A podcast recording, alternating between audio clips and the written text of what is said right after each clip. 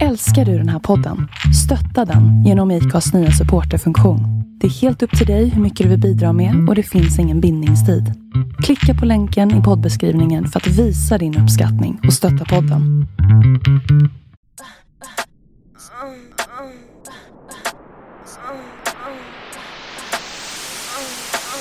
Styrs vår sexualitet av normer? Eller är allt bara biologi? Kan det finnas fler anledningar att ha älskog mer än att bara alstra barn? Varför försöker vissa människor styra över sex och hur vi har sex? Vilka är de? Och varför är det så svårt att prata om sex? När vi ändå typ pratar om det hela tiden.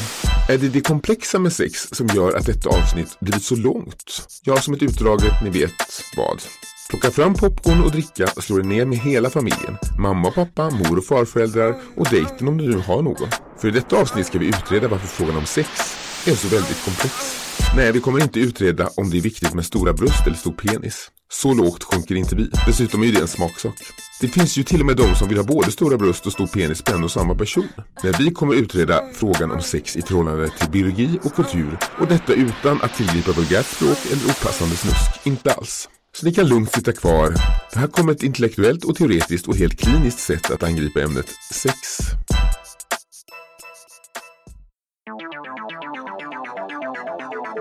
En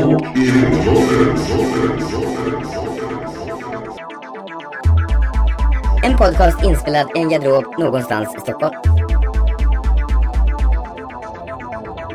Här lyssnar du på intressanta, engagerade samtal och intervjuer i en väl avvägd blandning av oseriöst allvar och ironi och humor. Om du upplever ett plötsligt vredesutbrott och skriker rakt ut under tiden du lyssnar kan det bero på att du missförstått vad som är allvar och vad som är skämt. Eller så har du helt enkelt fel åsikter eller dålig humor. Hej och välkomna till podcasten Talking Closet och vårt sjätte avsnitt.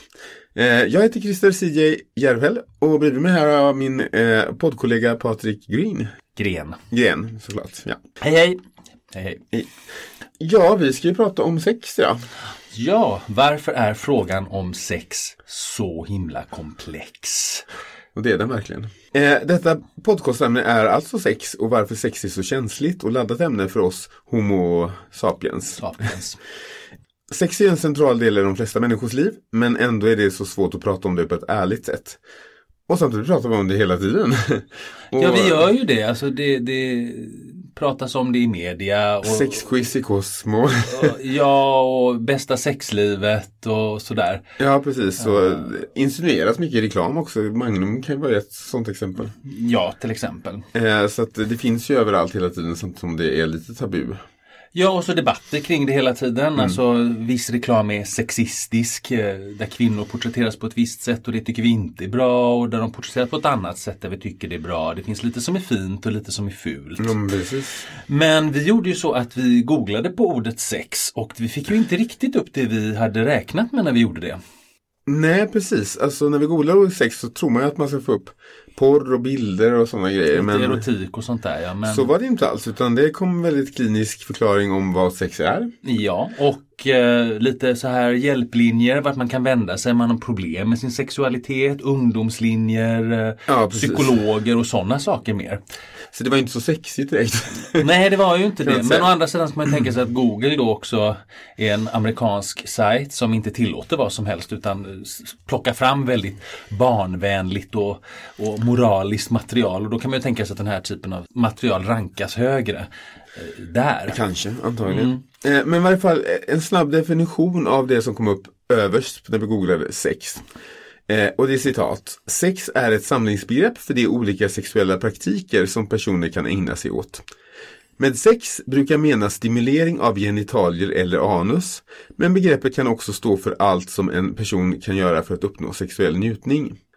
Samlag innebär att två eller flera människor har könsumgänge, vilket sker vanligen med direkt kontakt mellan könsorgan, till exempel genom att penis tränger in i slidan. Slutcitat. Ja och här hör vi ju då hur man har gjort sex jätteosexigt. Det Och saniterat på något sätt. Ja, för att det, det ska gå att läsa det utan att på något sätt bli upprörd. För man kan ju tänka sig den här, hur den här texten hade låtit om man hade bytt ut de här orden som genitalier och anus med till exempel kuk, fitta och röv. Liksom. Då, då Ja, hade precis. det hade väckt förmodligen en, en känslostorm och massa arga människor som hade hört av sig och sagt att så här kan man inte skriva.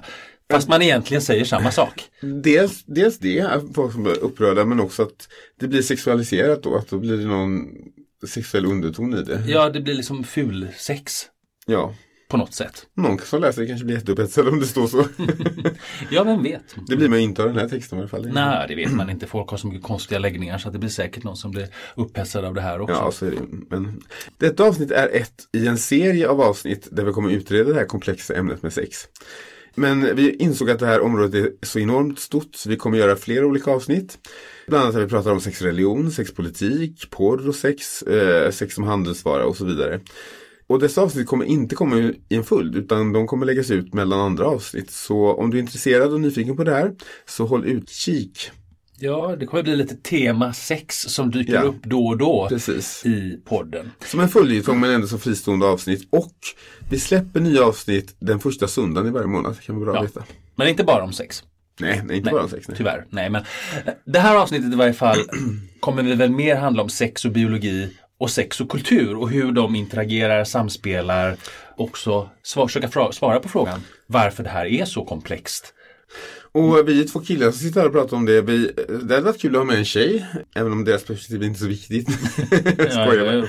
Men vi förhoppningsvis får vi med någon tjej eller kvinna vid nästa avsnitt. Ja, nej men framförallt ett avsnitt som kanske handlar om, om just manlig och kvinnlig syn på sex och, och sådana saker. Ja, det kan ju vara väldigt trevligt att ha ett, ett Vi kvinnligt en perspektiv. kvinnlig perspektiv. När vi pratar om porr och sexköp och sådana grejer. Ja, precis. Men för att börja det här avsnittet så tänkte jag vi skulle titta lite på relationen mellan sex och biologi. För det är ju ändå så att sex i grund och botten är något väldigt biologiskt. Och den första frågan som kan vara intressant att ställa då är ju vad är egentligen syftet med sex? Eller har sex fler syften? Ja, eh, det är en intressant fråga och de flesta tänker direkt på reproduktion naturligtvis. När man- Reproduktion alltså, skaffa barn. Ja, eh, avkomma. Det är ju självklart eh, det absolut centrala syftet för sex. Men det är faktiskt inte det enda syftet. Utan både människor och faktiskt vissa djurarter har sex på andra sätt och är för and- av andra orsaker. Man menar på det här är ju bland annat för att människan har sex även i, eh, under cykler då kvinnan hon är i en viss eh, del av ägglossningscykeln där hon inte kan bli gravid. Medan djur, vissa djur inte gör det. De har ju bara sex, har bara sex när honan löper. Men eh, vi och några andra djurarter har sex även andra tider när vi inte helt enkelt kan få barn. Och det visar att det finns andra syften med sex såsom att skapa band eh, mellan individer, inom grupper och lösa konflikter också. Att man istället för att slå ihjäl varandra så har man sex. Och självklart njutningsfunktionen eh, finns ju där också. Ja, det är klart. Folk har sex bara Ja. för att det är skönt. Ja, och som sagt det stärker intimitet och närhet och skapar större chans att till exempel par stannar ihop längre. Även om, om de har sex, även om de inte kan bara fortplanta sig. Så är det större chans då att de håller ihop och att de barn de har överlever. Men då är det också så att eh, hur har det kommit sig att det rent evolutionärt har blivit så att två, då en hanne och en hona möts och har någon form av samlag då för att kunna reproducera det. För det är ju, det är ju lite, lite underligt. Det finns ju liksom arter som bara delar sig som celler liksom Ja. och skapar sig så här. Men, men här är ju en annan evolutionär Ja, och- lösning. Och sex är helt enkelt en väldigt effektiv lösning evolutionärt för att skapa avkomma som överlever bättre. Och kan anpassa sig. För det är två individer med olika DNA eller olika gener. Kommer ihop och skapar en tredje individ med lite nya gener, lite ny blandning. Och sen överlever de bäst som mest anpassade till omgivningen. Men de som delar sig, det blir ju bara en kopia. Så de kan ju inte förändra sig så som kan göra med både sexuell selektion och att man faktiskt överlever tills man hinner ha sex. Så det är mest effektivt evolutionärt. Men, men sex är ju också så mycket mer än bara ett samlag och en reproduktion. Alltså det, det, det är ju så att eh, vi har ju drifter som, som, som lust och vi attraheras av olika personer. Det är ju inte alltid någonting vi styr. Vi väljer liksom inte vem vi blir kåt på liksom. Nej, det är utan det är så mycket annat som blandas in. Och, och vad har det för funktion och varför är det då så? Ja, det är också, finns också biologiska funktioner även om det finns kulturella eh, filter på det här också som styr det här. Men de biologiska funktionerna handlar om hormoner, eh, bland annat eh, hur stark sexdrift du har, handlar om hur mycket testosteron du har och det gäller både kvinnor och män. Kvinnor har mycket mindre testosteron, det är kanske därför de inte är så kåta. eh, kanske ska ge dem lite, men eh, i varje fall Vi kan blanda in lite, lite testosteron i maten Ja, så, så blir männen lyckliga. man sex med. Det finns också ämnen i hjärnan som gör att om du har mer av det ämnet så eh, är det större risk att du är otrogen faktiskt. Vilket då gör att man kan ifrågasätta den fria viljan lite. Eller du har mer benägenhet för att vara otrogen. Även om du kanske kan välja att inte vara det. Så otrohet är egentligen ingenting man styr över utan det är biologiska funktioner? Du kan väl ändå välja men den biologiska funktionen påverkar hur gärna du vill vara otrogen. Vissa är mycket enklare för att inte vara det då kanske. Eh, andra intressanta saker är att kvinnor som man då tänker att eh, kvinnor och män ska stanna i en monogam relation hela livet. Men kvinnor attraheras av olika typer av män var, beroende på var i ägglossningscykeln de är. Så under vissa perioder så är de mer attraherade av mer androgyna, lite mjukare män. Under andra perioder eh, när de är mest fertila så är de mest attraherade av väldigt macho-män. Så att när de är fertila så vill de ha alfahannar och när de är inte så fertila så vill de ha mjukare män. så den här kulturella föreställningen som vi har då att män ska ha många kvinnor. Den är egentligen helt biologiskt felaktig. Egentligen borde det vara kvinnor som borde kunna gifta sig med två män. En, en lite mjukare och en lite hårdare då för att det skulle ligga mer i enlighet med vår biologiska natur. Ja, på den, åtminstone när det gäller det här. måste man säga så faktiskt. Och jag tycker det är lite intressant faktiskt. Eh, och samma när män blir pappor. Så eh, under första tiden när eh, barnet är litet, jag vet inte exakt hur länge det, eh, det här gäller. Men eh, deras hormonproduktion av testosteron minskas drastiskt. Och det biologiska syftet med det här är ju att mannen då ska vara mindre benägen att vilja ha sex och ha sex med andra kvinnor framförallt om hon då är blivit tjock och eh, sitter och ammar. Eh, och att han istället ska ta hand om familjen och se till att den överlever. Så det är en biologisk funktion. Och hur länge är den här låga testosterondriften i bruk? Det vet jag tyvärr inte. Jag men... det, det borde betyda att när den kommer upp till normal produktion så ska han ut och, och sprida säd igen. Och, och... Ja, eller göra henne på smällen igen. ja, Förhoppningsvis. ja, eh, och, och det här tycker jag är så intressant. Jag har inte hittat någon studie på det, men det borde göras studier på det här. Och det är ju det här att är det här biologiskt styrt eller är det psykologiskt mentalt styrt? Och, och, det man skulle kunna kolla upp då är ju att om pappan är pappa till ett barn som faktiskt inte är hans biologiskt, fast han vet inte det. Sker den här minskningen ändå? Eller känner hans kropp av att det inte är hans barn fast han inte vet det medvetet? Och att då testosteronet stannar kvar på en hög nivå. För det skulle innebära att det är bara biologiskt styrt. Eh, och det borde man ju faktiskt kolla upp. Om... Men det är intressant. Mm. Och sen var det väl så också att eh, det var någon som hade berättat för dig att förälskelsen bara varar en viss eller period. Ja, jag har, jag har både läst det någonstans faktiskt. Jag vet inte, jag har ingen referens på det här. Eh, så att ni får ta det med en nypa salt. Att eh, vi är skapta biologiskt så att vi blir kära och kan bara hålla den kärleken som är sexuell attraktion igång som mest tio år. Sen blir man, är det gjort så att man ska bli attraherad av någon annan skaffa barn med någon annan helt enkelt. Så att det här moderna samhället vi lever i där vi mer och mer går mot någon form av seriemonogami där vi skiljer oss efter ett antal år och så gifter vi om oss och så. Den är också mer i enlighet med vår biologiska natur. Ja, den, eh, den är driven av vår sanna biologiska drift knulla olika. med tioårsperioder mellan. Spännande. Men också det här med att vi dras till olika människor, att det attraheras av olika typer av människor. Det finns också ganska intressanta Precis. studier som visar på att det, det har väldigt biologiska funktioner. Ja, och det är något som kallas feromoner. Och feromoner är ett Doftämne hormon, kan man säga Ja, eller olika dofter finns flera olika typer vad jag förstår. Ja, manligt svett bland annat eh, är tydligen fullt med sådana här feromoner. Svett? Svett, ja. Okay. Och urin också. Urin, åh, spännande. Så när du går ut på dansklubb så lägg lite urin på varje sida av kinden istället för parfym. så luktar det gott. och det ska dra till sig kvinnor då? Ja, precis. Eller rättare sagt, en undersökning de hade gjort visade att kvinnor blir mer uppmärksamma men de blir bara mer uppmärksamma om de känner den här feromonerna och det var en man i rummet samtidigt. Om det inte var en man i rummet så blir de inte mer uppmärksamma. Mm. Eh, och den studien var ganska väl gjord faktiskt. Men det verkar som att både kvinnor och män faktiskt eh, då påverkas av de här. Och det påverkar vem du blir kär i och hur kär du blir. Du vet om man har varit kär i någon som gjort slut och kudden luktar och den personen vill man inte tvätta kudden.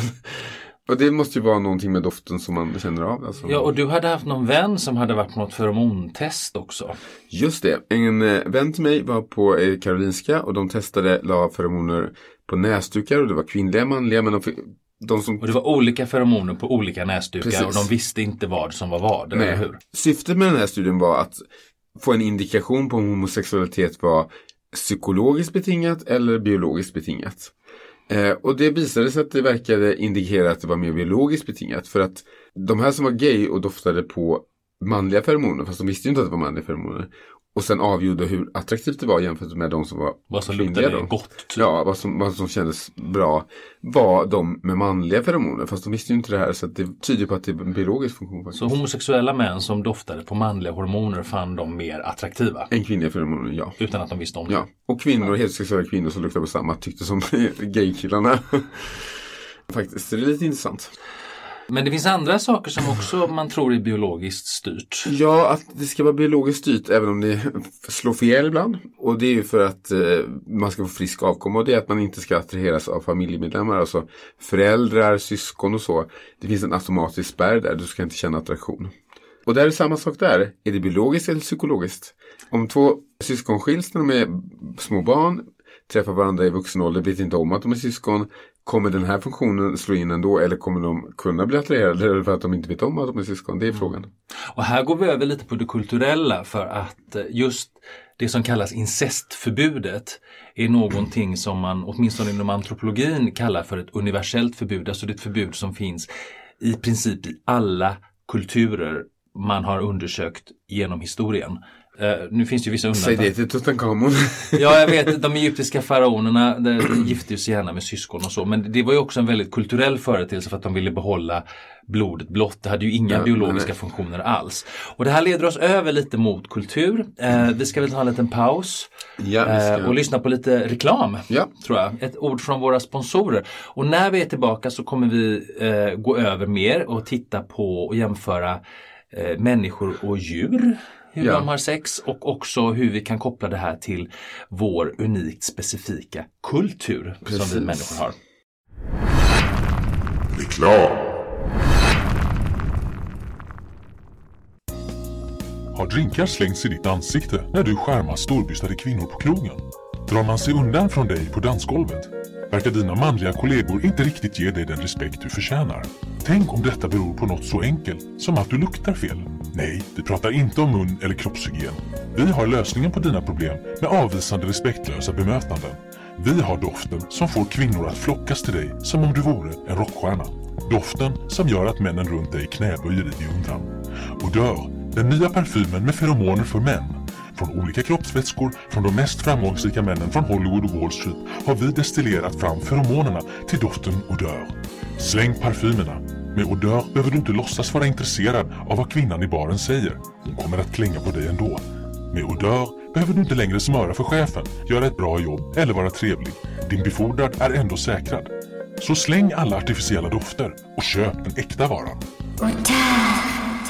För att en lukt säger mer än tusen ord. I, då var vi tillbaks i garderoben här igen och eh, fortsätter vår diskussion om eh, det komplexa sexet. Ja. Eh, och vi har ju pratat lite om biologi eh, och sex eh, och vi kommer väl titta lite mer på det men också och, och försöka tisa ut lite vad, vad som är kulturellt och vad som är sexuellt för det är inte alltid så lätt. Nej, och det är så sammanvävt så jag tror aldrig man kan eh, bena ut det 100% faktiskt. För det hänger ihop så. Ja. Så vi, vet vi om det finns något som skiljer människors sätt att ha sex från till exempel djur? För det, det kan ju då visa lite på biologiskt och kulturellt. Ja, eller också hur vi är som faktiskt eh, då eh, art. Men eh, jag tänkte då, eh, för att komma in på det så skulle, du vet ju mycket om de här bonoboaporna. Så vi kan börja på den änden kanske. Ja, vi kanske lite. börjar med, med djuren och, och, den art som faktiskt är mest genetiskt lik oss själva. 98,7 procent av våra gener har vi tillsammans med dvärgschimpansen eller bonoboapan. Så. Så du är 97,8% apa. Vi är alla 97,8 procent apa, vi är 100 procent apa egentligen, Ja, eller primat. eh, Så att det, men, men deras sexuella beteende är ganska intressant eh, jämfört med vårt eget. Påminner en del om det också. Och tittar man på Wikipedia så, så skriver de så här. Nu, nu, nu pratar vi bara om bonoboapans sexuella beteende och inte någonting annat. Eh, citat Wikipedia. Bonoboerna har ett mycket aktivt sexliv och dessa kombinationer av parter förekommer. Hona med hanne, hona med hona och hanne med hanne. Täta aktioner mellan hannar inklusive ömsesidig pälsvård är däremot sällsynta. Onani förekommer även både bland de tre kombinationerna och ensamt. Sexualiteten används både för att stärka de sociala banden och för att lösa konflikter. Endast en liten del av de sexuella kontakterna handlar om fortplantning medan tre fjärdedelar sker på ett sätt som inte skulle leda till fortplantning. Till skillnad från vanliga schimpanserna har honorna genitalierna placerade längre fram och det är därför möjligt för bonoboapan att fortplanta sig ansikte mot ansikte med sin partner. Och här ser vi då att homosexualitet förekommer. Eh, vi ser att onani förekommer. Mm. Eh, bonoboapan kan få orgasm precis som människan. Ja. kan man också då tänka att det är därför de onanerar, för att det är njutning. De har sex inte bara för att reproducera sig utan som vi sa förut även i ett socialt syfte för att stärka band och konflikter. Dessutom så är det så att bonoboaporna eller honorna ofta byter till sig mat mot sex. Eh, prostitution då? Man... en form av primitiv prostitution för det är så att nämligen eh, hannarna i, i gruppen har monopol på köttet på grund av att de jagar. Eh, jagar. Och vill honorna har kött, ja då får de byta sig till det mot sex. Får de aldrig kött utan att betala med sex? Eller? Det vet jag faktiskt inte men det är väldigt vanligt att, att de faktiskt eh, att hannen kommer ut och erbjuder en köttbit och ibland även ett sockerrör eller någonting. Och så, så till och med hon... aporna kvinnoförtryckande. jag ser hur djupt det ligger. Men för att gå tillbaks till det här igen då, är det någonting, om vi tittar på människan i förhållande till djuren, är det någonting vi gör som är helt unikt? Eller? Ja, alltså eh, det finns saker som är delvis unikt som inte är helt unikt. Och det är ju det här att vi har sex, eh, även heterosexuell sex, som inte kan vara reproduktiv. Därför att eh, till exempel kvinnan är fel del av cykeln eh, när hon eh, får ägglossning. Och det, vi och några andra djurarter gör det, vilket är ett tecken på att sex har andra funktioner än bara reproduktion. Vissa djur blir ju så att, eh, till exempel hundar, då löper tiken och då, eh, det är bara då de vill och kan ha sex. Eller och det är oftast bara kanske en gång om året. Ja, precis. Mm. Och så är det ju inte för oss. Vi kan ha sex när som helst under året. Men något annat som man trodde förut var väldigt bara mänskligt var ju homosexualitet. Och då pekar man på djur som hade sex i zoo. Och där tänkte man det, ja men det här är fängelsesyndromet då, att de är instängda och precis som män i fängelse tar, när det inte finns några kvinnor så tar de det som finns män. Men det visar sig att det var fel, utan det är i naturen väldigt vanligt förekommande, jättemånga arter. Allt från att bara homosexuell kontakt, alltså homosexuella akter till att faktiskt bilda par i vissa eh, arter. Mm. Så att eh, det finns där också. Ja men det ser vi här med bonoboapan. Där, ja. där är ju väldigt mycket kontakt, framförallt mellan honorna är det väldigt vanligt med, med sexuell kontakt. Men även hannarna har ju sex med varandra. Jag tycker det är lite lustigt det med att lösa konflikter också. Så nästa gång man är på väg att hamna i ett slagsmål, men vi kan väl knulla istället. ja men alltså det, det, det... Jag tror inte det skulle funka så bra, det får man ännu mer stryk kanske. Ja. Men, men det finns fler saker ja. som, som skiljer människan från djuren. Eh, något som är väldigt specifikt för människan är tre saker. Det är egalitärt sex. Och med det menas att alla inom arten kan ha sex om de kan träffa någon som vill ha sex med dem. Eh, många djurarter är så här att det är bara förbehållet en hane i hela gruppen att få lov att ha sex. Ibland en hane bara en hona också. Eh, att det är väldigt så här, eh, hierarkiskt strukturerat vem som får lov att ha sex och inte ha sex. Och så är det inte människor. Man har inte, inte hittat någon kultur, mänsklig kultur där det inte är egalitärt faktiskt. Nej, och det här är också bonoboapan. De har också egalitärt ja. sex. Det är en, jag tror det är den enda arten förutom människan som har det. Eh, det andra är privat sex. Eh, människan är också väldigt ensam om att vilja liksom dölja sig och eh, att andra inte ska se när man har sex. Bortsett från vissa individer såklart. och det är typiskt människor, inget, ingen annan djurart som gör så. Utan vi springer iväg och låser dörren och vi har inte sex inför öppen ridå. Nej men det är väl att det står så i Bibeln. Eva åt av äpplet och då blev hon medveten om att hon var naken, Adam också. Och då skulle de skyla sig och, och vi blev, fick skam för våra kroppar. Mm. Så eh. Bibeln har rätt här alltså? Ja, ja, ja, frågan är om man har rätt med historien men åtminstone att vi vill skilja oss, ja. så faktiskt, det är lite korkat att sätta det trädet mitt i Edens lustgård när de inte var äta av just det trädet. Liksom. Gud kunde varit lite smartare. Satt det någonstans där de inte hittade. Men i varje fall, det tredje är att eh, människan tycks vara den enda art som faktiskt eh, ibland för vissa individer har svårt att nysta isär det här med sex och våld, att man blandar ihop det mentalt. Andra djur kan ha våld, men de har våld eller så har de sex. De, de, kan in, de blandar inte det så som vi gör psykologiskt. Och det är tydligen väldigt eh, ensamt för människan. Då. Jag tycker människan verkar vara väldigt benägen för våld i största allmänhet. Sexuellt men, våld eh, också. Även sexuellt våld och det, det är ju väldigt tragiskt. Det här kanske är en sak vi inte borde vara så stolta över. Fast många apor är också väldigt våldsamma. Ja men inte när de har sex. Nej, nej, nej. Ja, då är det ju bra. Men, flesta, nej, men även bonoboapan kan vara väldigt våldsam och aggressiv alltså. Jag tänker de här schimpanserna som dödar alla barn som inte är hans när han tar Mm, över ja, ja, så är det. det är ju jättevåldsamt. Men just om vi går tillbaka till bonoboaporna igen, där är det ju inte så utan där, där har de ju just det här att, att kvinnorna tar hand om barnen och hannarna är inte så intresserade av vad barnen gör. Liksom. Så att där får faktiskt, de, de tar inte, infanticid kallas det för. Inom bonoboapan så förekommer inte infanticid, alltså bonobapans hannar tar inte död på sina barn. Och det är för att de delar på det så att säga. Honorna tar hand om barnen och hannarna är för sig. Ja, och man Och alla får knulla med alla. De det är ett ganska idealt Ja, samhälle. då, då vet de inte vem som är deras barn. De vet inte vem som är deras barn För- så att eh, skulle de döda ett barn så skulle det kunna vara deras eget. Ja, för de som gör det, de dödar ju aldrig sina egna barn, de dödar ju andra Hannas barn. liksom. Ja, och det är ju för att säkra sin egen Ja, genetiska precis. Vilket är fortlevnad. väldigt groteskt. Men, Mm. Eh, men människan har det finns vissa kulturer som människan också gör så att eh, faktiskt att man inte vet vem som är vems. Ja, det, det finns kulturer där, där kvinnor och män har levt åtskilda, precis som hos aporna.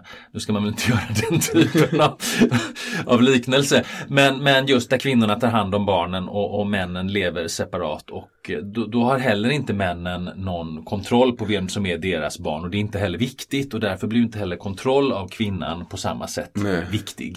Och det, det är två olika strategier och båda leder ju till genetisk överlevnad. Antingen att du ser till att bara din avkomma överlever. Ja.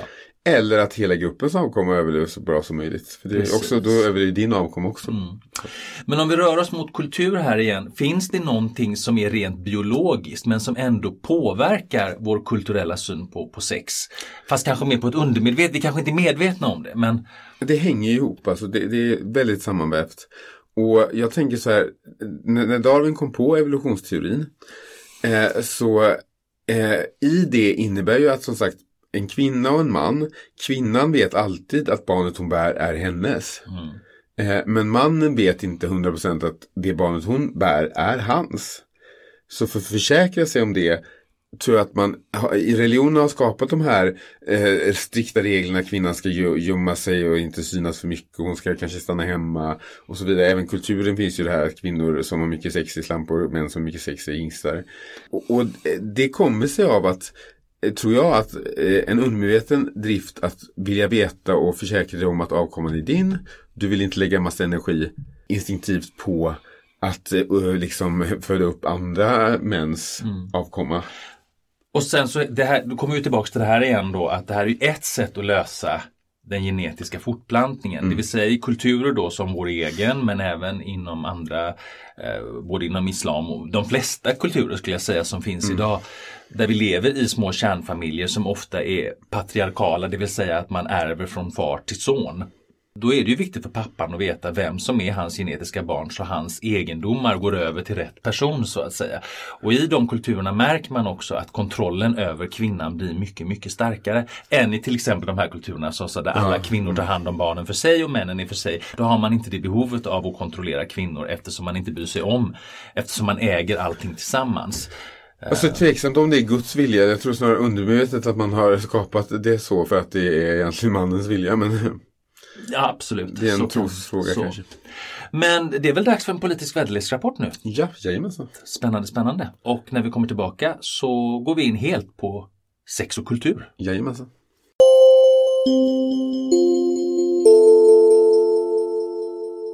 I USA är inte situationen särskilt sexig. Där har coronapandemin slagit hårt, både i antal dödsfall och rent ekonomiskt. Arbetslösheten har skjutit i höjden som en yngling skjuter isär vid första samlaget. Inget ont som inte har något gott med sig dock.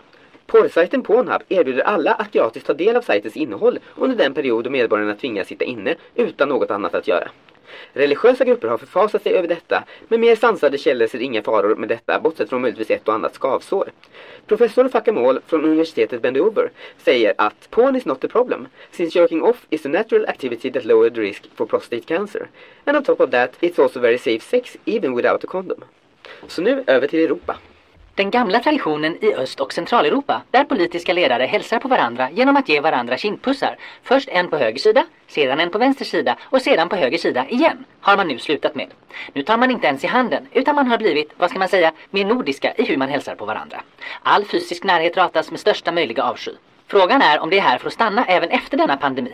Vi får hoppas att det nya fenomenet kvarstår så att folk på kontinenten slutar med detta osedliga beteende där de håller på att pussa på människor de bara känner på ett ytligt plan stup i kvarten. Så nu över till Sverige. Sverige har nu fått se en stor sexskandal brisera. Kändisen Paolo Roberto har blivit gripen vid en razzia mot en bordell. Paolo har erkänt att han köpt sex av en kvinna som kommit från ett av Europas fattigaste länder. Vilket land det rör sig om framgår inte. Det är tydligen skamligt att vara från ett fattigt land. Paolo han knappt dra ur dem förrän han förlorade alla sina lukrativa uppdrag för TV4, K-Rauta och Coop. Den pasta som sålt i Paulos namn kommer få nya etiketter och kommer framöver säljas som Paulas Robertas pasta. Bitte Arjedotter från partiet Jämlikhetsfront säger att det är verkligen bra att mansgrisar får stå sitt kast. Och det är ju glädjande att vi byter den manliga dominansen genom att denna pasta nu symboliseras av ett kvinnonamn. Paolo har ju alltid varit lite av ett wildcard och hans karriär började som kungen av Kungsan då han som ung dominerade Kungsträdgården som ligist då han misshandlade personer som var svagare än honom själv. Det hjälpte honom att ta ett språng in i Sveriges kändisvärld då en re rehabiliterad ligist värderas så mycket högre än det som misshandlats med långa kroppsliga och själsliga är. Vem bryr sig om dessa mesiga offer när hjälten ställer upp sig själv från våldsam ligist till redlig machoman med vassa kanter? Det är dock inte troligt att Paolo kan göra repris på denna pudel då han denna gång inte gav ensamma män i Kungsan är genom lite spanking utan istället gjort det mest oförlåtliga av allt, köpt könsomgänge. Paulos sexlust har därmed stämplat honom för all tid och han lär inte göra comeback genom Abön för att åter bli en av Sveriges kelgrisar. Att Paolo använde talking points om sitt eget lidande och självskadebeteende för att förklara det inträffade utan att ens beröra den köpta kvinnan och hennes situation och att erkännande endast skedde då Paolo fångats med handen i kakburken gör en comeback helt omöjlig. Grannarna på adressen på Östermalm där bordellverksamheten legat är chockade. En granne visade sin bedrövelse med orden En bordell här! Vem hade kunnat tänka sig något sådant? Ludmila var alltid så trevlig och gav fantastiska massager till rimligt pris. Och nu visade det sig att hon inte gjorde det för att hon gillade mig, utan för att det ingick i massagepriset. Och jag som tyckte det var så trevligt att hon hade så många manliga bekantar som delade hennes intresse för pingis.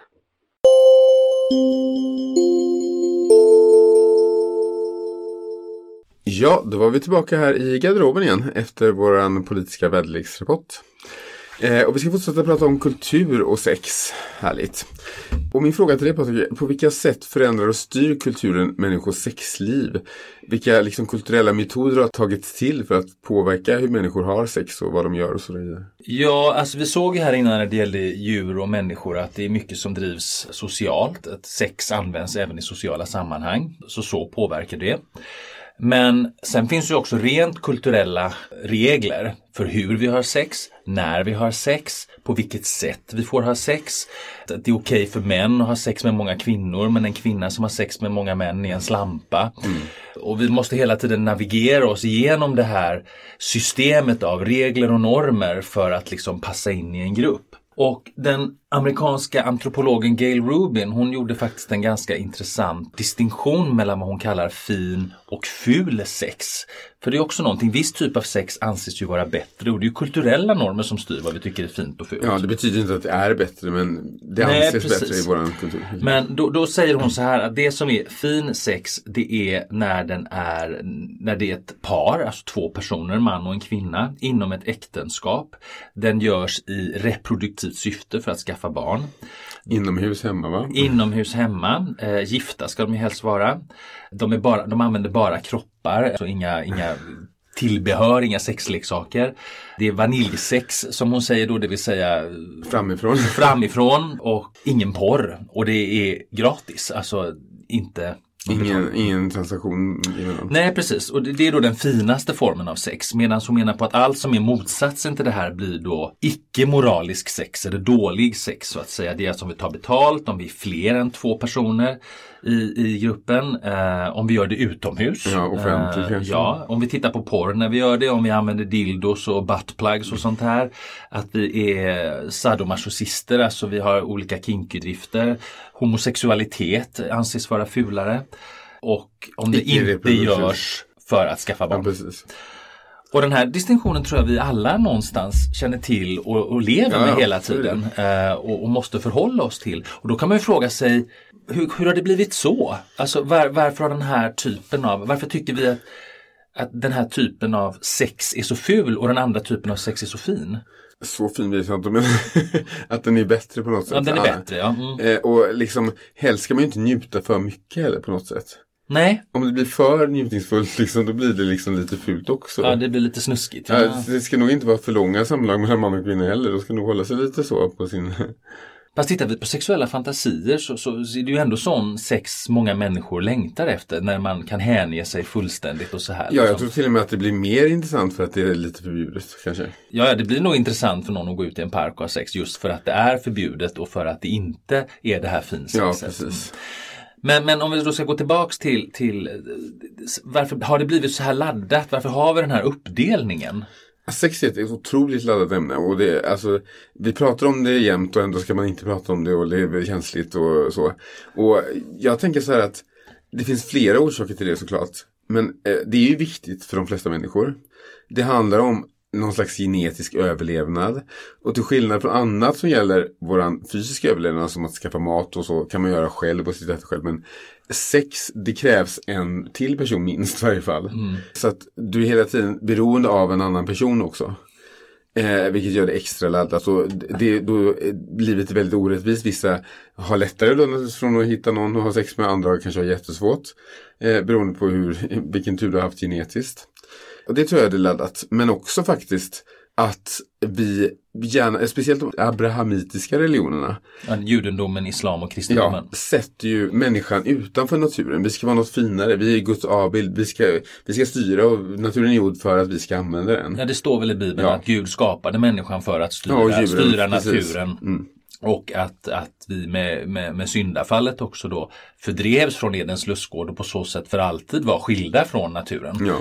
Och grejen är att då vill vi vara lite finare och när man tänker sex, speciellt fulsex och som kanske är för mycket njutning, det blir djuriskt. Det påminner folk tror jag om något de inte vill veta av hos sig själva. Vi är andliga, vi vill liksom, vi vill inte vara så här djuriska och därför Anden är stark men köttet är svagt, Ja. sa inte Jesus det? Precis, ja, det är så kanske. Ja. Men i varje fall, det, det betyder ju då att man klankar ner på sånt som känns för djuriskt. För då, det påminner en för mycket om att vi faktiskt är djur. Och just att ha sex utomhus och, och när andra ser på och sådana här saker blir ju mer djuriskt. Fulsex, du, kan, du kan vara hetero och göra fulsex också. såklart. Absolut, absolut. Ja. Eh, jag tror att 75% av alla analsamlag sker mellan heterosexuella faktiskt. Ja, det är, är inte alltså- det alla unga killars dröm att få Jag läste- sätta på en tjej i tvåan liksom? Det, Jag, jag läste någonting om det där för att eh, det är så lustigt de här religiösa då som vill verkligen Ja, är, de ska dö för sodomi men de säger ingenting om det är alla heterosexuella som gör det. Men vad är då syftet med att kontrollera våran sexualitet på det här sättet? Skulle vi kunna diskutera lite. Alltså eftersom sexualiteten är så stark. Det är en stark drift. Kan du tvinga människor in i ett hörn med, med sexualiteten och få dem att göra som du vill, då har du verkligen makt också. Så det är att få makt över människor alltså? Att, Delvis kanske, ja. ja, för religionerna är ju en maktinstitution som Ja, i många det- århundraden styr och som fortfarande styr stora delar av världen. Och det är mycket makt över kvinnor där också. Mycket makt över kvinnans sexualitet i synnerhet. Ja, och för att försäkra sig om, återigen, avkomman är din. Hon är inte med någon annan och så vidare. Precis. Fast, fast om man jämför då med, med e- Europa här så finns det ju en filosof som heter Michel Foucault. Han säger ju det att, att när religionens makt släppte över människan i, på 1800-talet så tog vetenskapen över eh, sexualiteten och medikaliserade den. Och det var ju precis det vi såg när vi läste upp det här första stycket om sex. Att man, man, man använder Mm. Ett språk, klini- ja. ett kliniskt språk när man pratar om sex istället. Så man, man går fortfarande som katten runt het gröt på något sätt. Man Mm. vågar inte närma sig ämnet. Även om vi känner att vi är så moderna och så idag. Så är det fortfarande så att det styrs mycket av de här Och det- kulturella normerna. Och det är så känslostyrt också. Jag menar, om vi säger ett brott eh, där någon har blivit mördad. Mm. Det upprör folk. Men om det dess, dessutom har varit ett sexualbrott där man senare mördade personen som man våldtog eller vad det nu var. det- blir ännu större rubriker och ännu mer laddat och folk blir väldigt liksom upprörda. Så, så att det, det finns ju någon laddning i det här. Är det för att det är så intimt? Att det, det, det väcker så starka känslor i oss att vi... Ja, på något sätt. Eller- samma sexskandal, jag menar det slås ju på första sidestoff liksom. Bill Clinton, liksom Monica Lewinsky. Det var ju första sidstoff i flera år. Hon fick ju lida fruktansvärt, bli förföljd och hånad i alla medier i flera år. Alltså, Men att Trump, eh, vad heter det, ger pengar till porrstjärnor för att han, de ska hålla tyst om deras samvaro. Det verkar inte uppröra så mycket. Eh, nej, för att grejen med honom är att han är ju så skamlös så han skäms ju inte för det. Utan han bara, ja, jo, det, alltså han bryr sig inte. Nej. Och Grab blir- women by the pussy. Ja men då blir det på något sätt, jag vet inte. Och då blir han mer alfahandeln som, det är till och med många kvinnor i USA som liksom tyckte, nej men det, det får han gärna på mig också. Då sa de ju då, de här som röstade på honom och var väldigt så.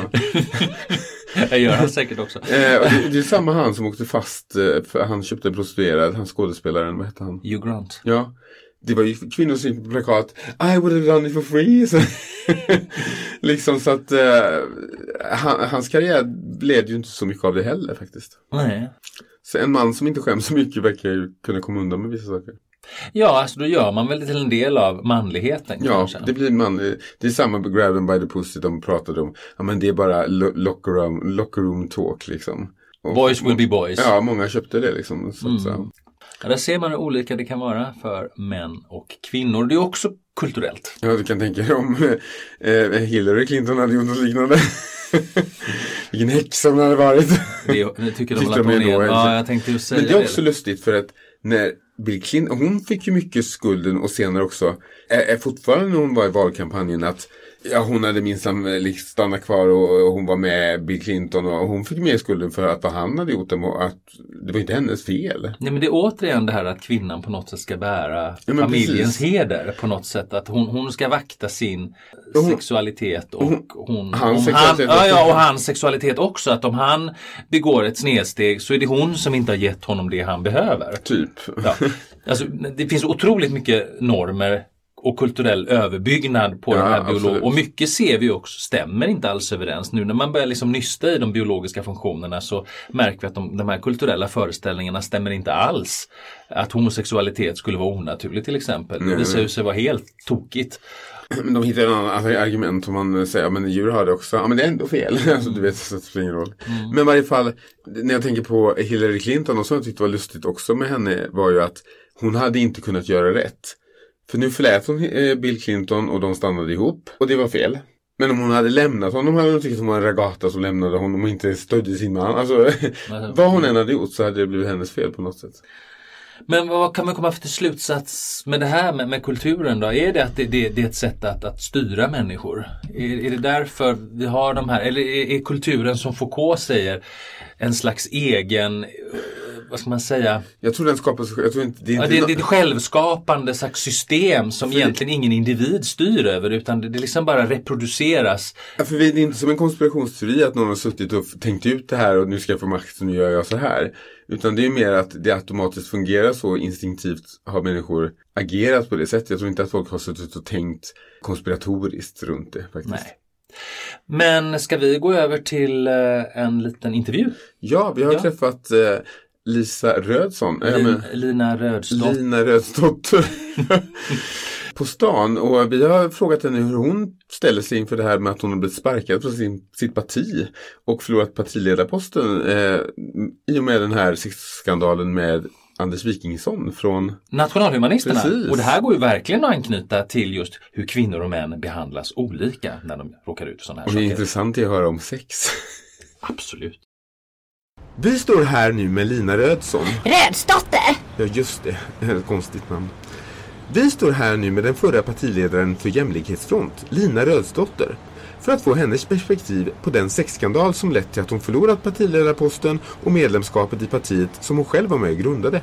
Så Lina, vad säger du om sexskandalen med Anders Wikingsson från Nationalhumanisterna och ditt uteslutande ur ditt parti? Sexskandal! Ja, så kan man vinkla det. Jag och Anders hade faktiskt en kärleksrelation och skandalen är inte vår relation utan det skandalösa är hur en integrerande grupp inom jämlikhetsfront har använt detta för att manövrera ut mig. Att man ska få älska vem man vill är en av grundprinciperna inom jämlikhetsfront som jag själv var med och formulera. Jag har blivit utkastad på felaktiga grunder av den där bitter argedotter. Men det som hölls emot dig på partikonferensen var ju också att du hållit denna relation hemlig och omständigheterna runt hur relationen mellan dig och Anders avslöjades. Argumentet är att ditt agerande skadat partiet och dess grundvärderingar. Ah, Svepskäl! Bitte har bara väntat på rätt tillfälle för sin kupp, den häxan! Men flera partiledamöter menar att skandalen skadat kvinnosakskampen. De menar till och med att du genom ditt agerande drivit kvinnorollen tillbaka flera decennier. Vad svarar du på det? Jag förstår inte hur jag kan ha drivit tillbaks någonting.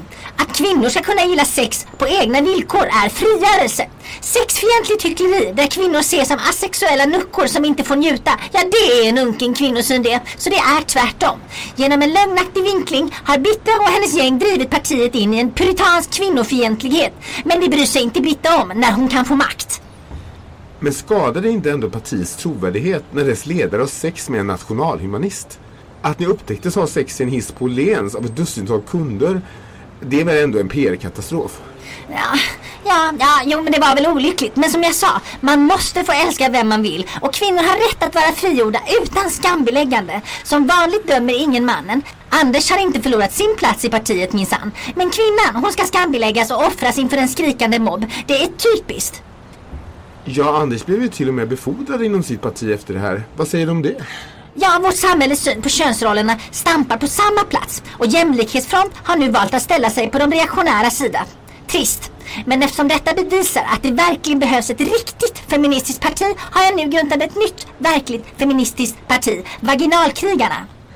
Jaha, eh, har du valt ett sådant partinamn som en protest mot att man också kritiserar ditt vulgära språk? Va? Vad menar du? Ja, vittnen till din och Anders lilla romantiska eskapad vittnade om att de hört dig skrika, och jag citerar. Ge mig din stora nazikuk i min kommunistfitta. Slutcitat. Precis när historien öppnades. Något som också blev en del av den massiva kritik som riktats mot dig. Ja men Anders är ju nazist.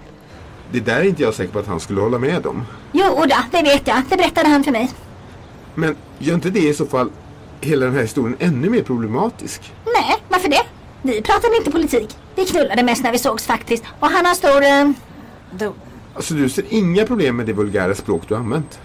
Nej, det är väl sånt man säger i stundens hetta. Har du aldrig sagt något sådant? Nu är det faktiskt vi som ställer frågorna. Som du nu anser att du är helt fri från klander för affären med Anders, varför höll du den då hemlig? Nej, men det var för hans skull. Men han har ju snarare vunnit på detta avslöjande. Nej, men jag säger ju att det var för hans skull. Det tycks ologiskt, då du är den som verkligen förlorat på det här avslöjandet. Hmm. Ja, det är ju misstänksamt. Det har jag faktiskt inte tänkt på tidigare. Nu faller poletten ner. Han ljög när han sa att han hade nödstoppat hissen. Den jäveln! Nu jävlar ska han få se på en riktigt arg vaginalkrigare. Det skulle inte förvåna mig om Bitte varit med på det hela. Konspirerat med Anders mot mig. Ja, så är det, såklart. Det var därför han var så hemlighetsfull vad han skulle göra vissa kvällar. Nu fattar jag. Han mötte Bitte såklart. De knullar säkert också. De svinen. Fascistjävlar. Båda två. Mm. Vad dum jag har varit. Den här intervjun är avslutad. Nu har jag viktigare saker att göra. Men vi har några frågor kvar. Äh, jag har viktigare grisar att steka. Vill ni få ett scope ska ni få det. Jag hör av mig när jag hittat bevis. Jaha, då har ni hört Lina Rödsson. Dotter! Dotter, just det. Som nyligen blivit petad som partiledare för Jämlikhetsfront. Och hon verkar nu vara på krigsstigen. Vi har kanske inte sett slutet på denna dramatiska historia. Då återgår vi till studion, eller garderoben. Så välkomna tillbaks till mig och CJ i garderoben och vi tänkte sammanfatta lite, eh, ställa ja. några frågeställningar utifrån det vi har pratat om. Eh, om sex och livet i allmänhet. Mm. Eh, och vad kan vi säga om, om våran lilla genomgång här nu? Har, har vi kommit fram till någonting? Vi har kommit fram till en hel del faktiskt. Men vi, vi snuddade på det här med eh, just aggressivitet och sex lite grann i alla fall. Ja, vi såg där att bonoboaporna bland annat verkade lösa konflikter och få ner mm. aggressiviteten i gruppen genom att ha mycket sex. Är det något som skulle kunna funka på människor tror du?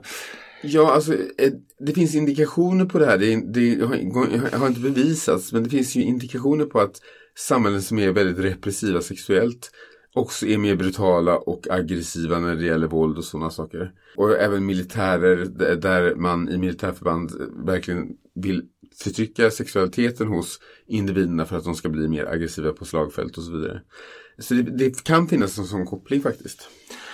Ja, och det finns också en annan intressant koppling där. Eh, det finns ju många kulturer, framförallt väldigt manliga eller patriarkala kulturer som man säger där männen har mycket makt Eh, och som är väldigt krigiska i de samhällena får ofta kvinnorna extremt låg ställning och, och, blir så smutsiga att män inte kan ha sex med dem överhuvudtaget utan i vissa fall. Utan där det istället blir så att män faktiskt uppmuntras att ha sex med andra män.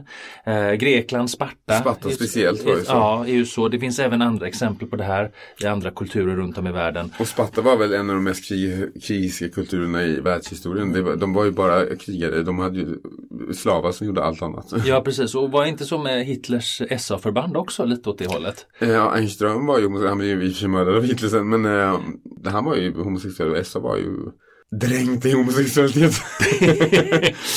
Eh, även om det gick dåligt för dem så Hitler, det, han brydde sig egentligen inte för det handlar ju med maktspel att han mm. Det var en utmanande maktposition eh, som han vill bli av med. Mm.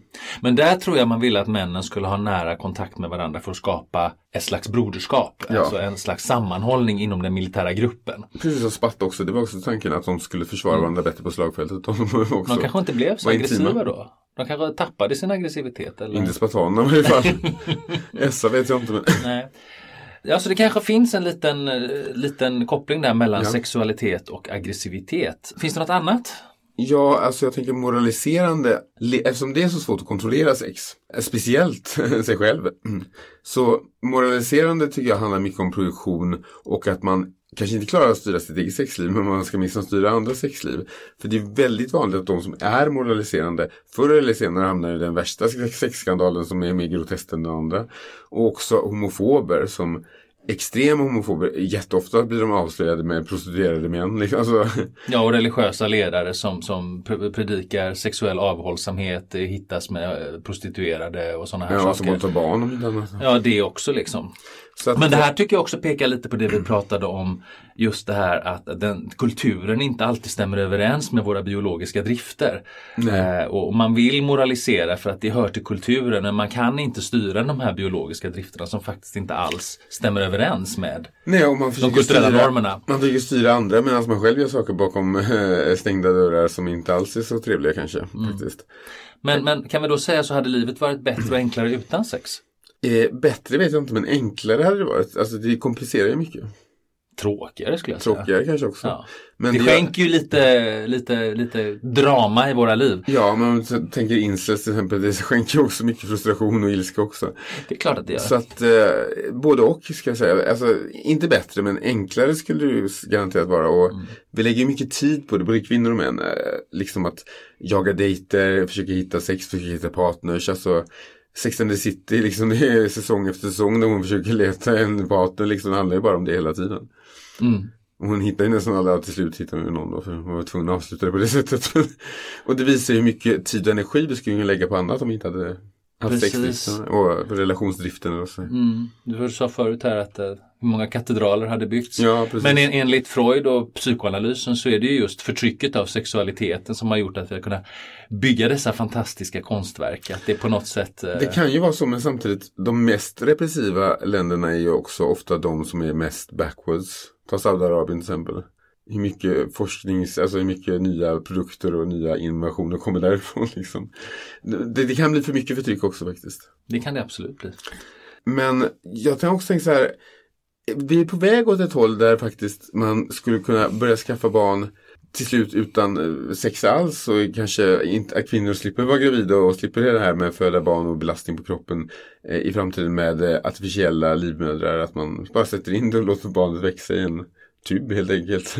Ja, vi, alltså vi har ju redan börjat på den vägen. Idag kan vi ju faktiskt skaffa barn utan sexuell aktivitet överhuvudtaget via provrör och så och mm. den utvecklingen är väl absolut inte klar Jag tror de håller på att försöka bygga artificiella livmödrar faktiskt. Men det är väl ett tag fram innan de har kommit så långt. Men eh, då kommer ju sex bli helt frikopplat från reproduktion och vad händer då? Ja, det blir också helt frikopplat från kön. Det blir mm. onödigt att ha två kön helt plötsligt. Hur menar du nu? Nej men alltså om, om du plockar ett ägg ur kvinnan och kan artificiellt få ihop det med ett annat ägg. Då behövs ju till exempel då behövs ju inte män längre. Vad försöker du säga nu? det, jag bara säger, forskar framåt. Alltså det, det, det, liksom, det blir ju en följd av det. Men jag tror inte världen kommer att hamna i en situation utan män ändå. Eller? Nej, det kommer ju ta, alltså biologiska processer tar enormt lång tid att förändra. Jo men det här är inte, det här är en teknologi som slår ut de biologiska processerna. Men jag tror ändå att det kommer ändå vara vänner och kvinnor. Bara att vi kommer inte kanske, jag vet inte. Ja, man vet aldrig. Ja. Spännande, framtiden är konstig. Lite obehaglig också kanske. Men jag vet inte. Ja, det, det går inte lika bra tror jag att, mata ihop två spermier i varje fall och få ett ägg av det. Jag tror man kan mata upp DNA men man måste ha ett ägg sen och stoppa Ja, in det i den. Men då är det inte kvinnans DNA alls utan det är två mäns DNA. Det. Ja men du behöver ändå en kvinna för att göra det. Du kommer inte Ägget behöver du. Inte en kvinna. Men hur ska du få ett ägg utan en kvinna? Nej, det kanske går att skapa artificiellt också framtiden. Jag vet. Ja, du behöver inga kvinnor. Det lät mycket bättre. Men i, innan dess så har ju i och för sig AI dödat oss alla. ja, det kanske är så. Eh, men också det här med, vi pratar ju återigen sex och aggressivitet. Och om det finns en sån indikation så tycker jag vi ska ta det här som var hippierörelsens slagord. Fast vi kan ändra det lite istället för love. Så tycker vi make sex and a lot of sex, not war. Make sex and not war. Especially not nuclear war. Det var väl allt för den här gången. det var allt. Eh, vi hörs. Och vi hörs. Eller ses. Det gör vi kanske inte.